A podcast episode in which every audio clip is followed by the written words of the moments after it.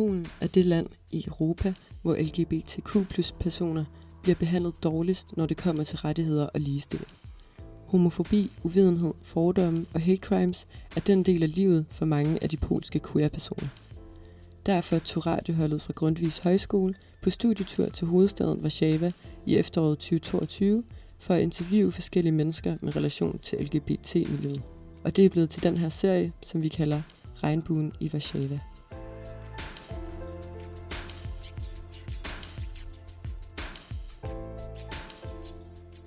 Det her er fjerde afsnit, og her kan du møde Leon, der er vokset op i en katolsk familie, hvor det anderledes var farligt. Han bliver en del af et queerkor i Warszawa og finder gennem sangen et nyt fællesskab, hvor han finder accept hos sin nuvalgte familie.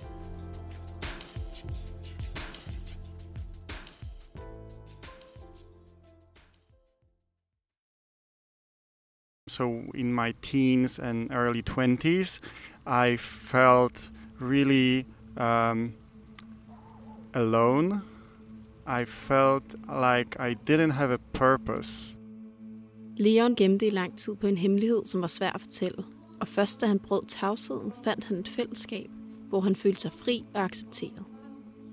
So I joined uh, just February this year, and from the day one, I felt at home. I met I met some crazy and lovely people there, and uh, I now I can say that they are my chosen family.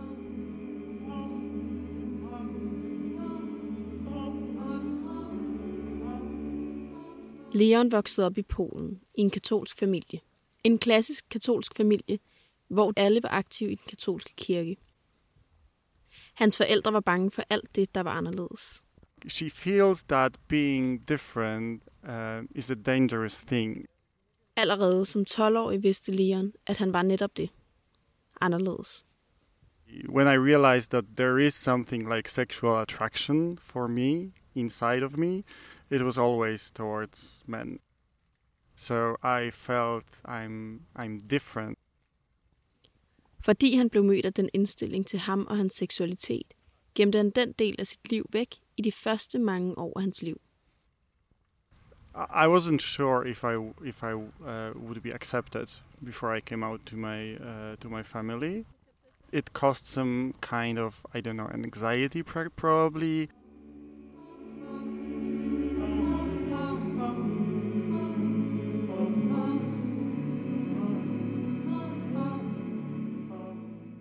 I løbet af sine 20'ere var han stadig aktiv i den katolske kirke, og han fandt sit fællesskab der. Det var en følelse af at passe ind et sted. Og dog. Han vidste jo godt, at de ikke støttede hans seksualitet. Ingen af dem vidste, at Leon var tiltrukket af mænd, og han bare alene rundt på den hemmelighed. In my teens and early 20s, I felt really um, alone. I felt really lonely and I felt like I didn't have a purpose because um, what I felt, what I knew about myself, didn't really um, um, come together with what I thought are options for my life. It actually um, uh, caused a, a, a um, depression episode uh, when I was when I finished my studies.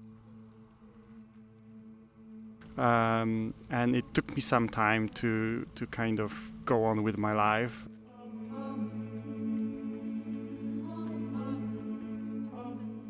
Det fik altså alvorlige konsekvenser for den unge Leon at skjule sin seksualitet. Han havde ikke lyst til at handle på sine naturlige lyster. Han tillod ikke sig selv at give sig hen og have et kærlighedsliv.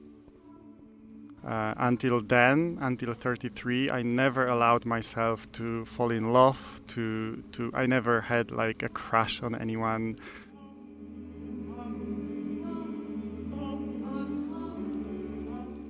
Men Leon ville ikke holde fast i sig selv længere. Hemmeligheden måtte ud. Det var blevet for tung en byrde at bære rundt på alene. For at kunne leve det liv, han ville, måtte han springe ud. Han startede med at fortælle det til en ven, senere flere venner, og til sidst til hans mor. Han var bange for, hvordan de ville reagere. Især hans mor. Hun var jo katolsk, og Leon frygtede, at religionen ville gøre det svært for hende at acceptere sin søn. Men det gjorde hun, og et nyt kapitel skulle starte i Leons liv. Efter han havde stået ved sin seksualitet over for omverdenen, skete en forandring. Han blev åben over for forelskelsen og fik en kæreste. Leons liv blev nemmere, og han fik lyst til at dele sin oplevelse med at komme ud på den anden side af det liv, hvor han bar rundt på en tung sten. Han ville synge, for han manglede også musik i sit liv.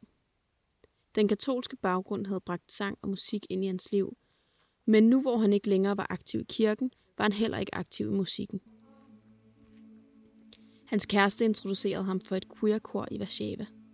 Et kor, hvor værdierne er, at alle, absolut alle er velkommen, som de er, og hvor samlingspunktet er åbne mundene og synge. Leon startede til koret, og allerede efter kort tid blev koret en meningsfuld og meget vigtig del af hans liv.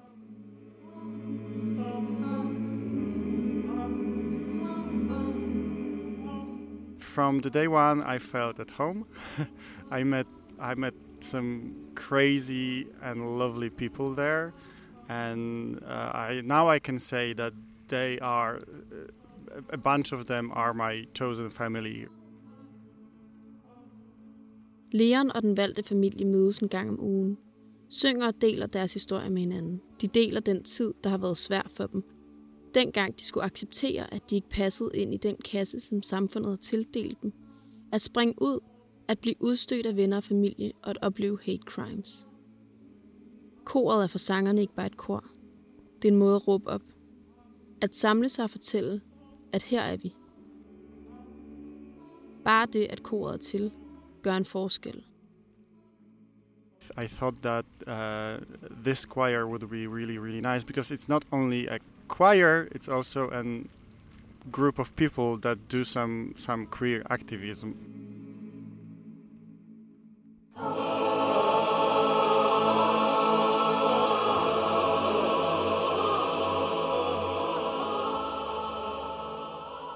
Koret er blevet det fællesskab, hvor Leon får lov til at være præcis den, han gerne vil være. De mange års ensomhed og fortvivlelse får en mening i koret, fordi han kan dele sin historie og høre andres. Endelig kan Leon leve sit liv for fuld musik. I think we, we do a great job because we are, uh, you know, showing some some optimism and some queerness in this uh, gray uh, world around us.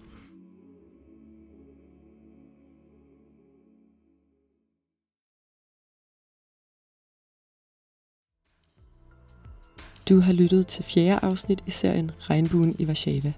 Podcasten var lavet af Clara Jæger, Mathias Holst Sørensen og Astrid Cornet, der alle gik på radioholdet på Grundvis Højskole i efteråret 2022.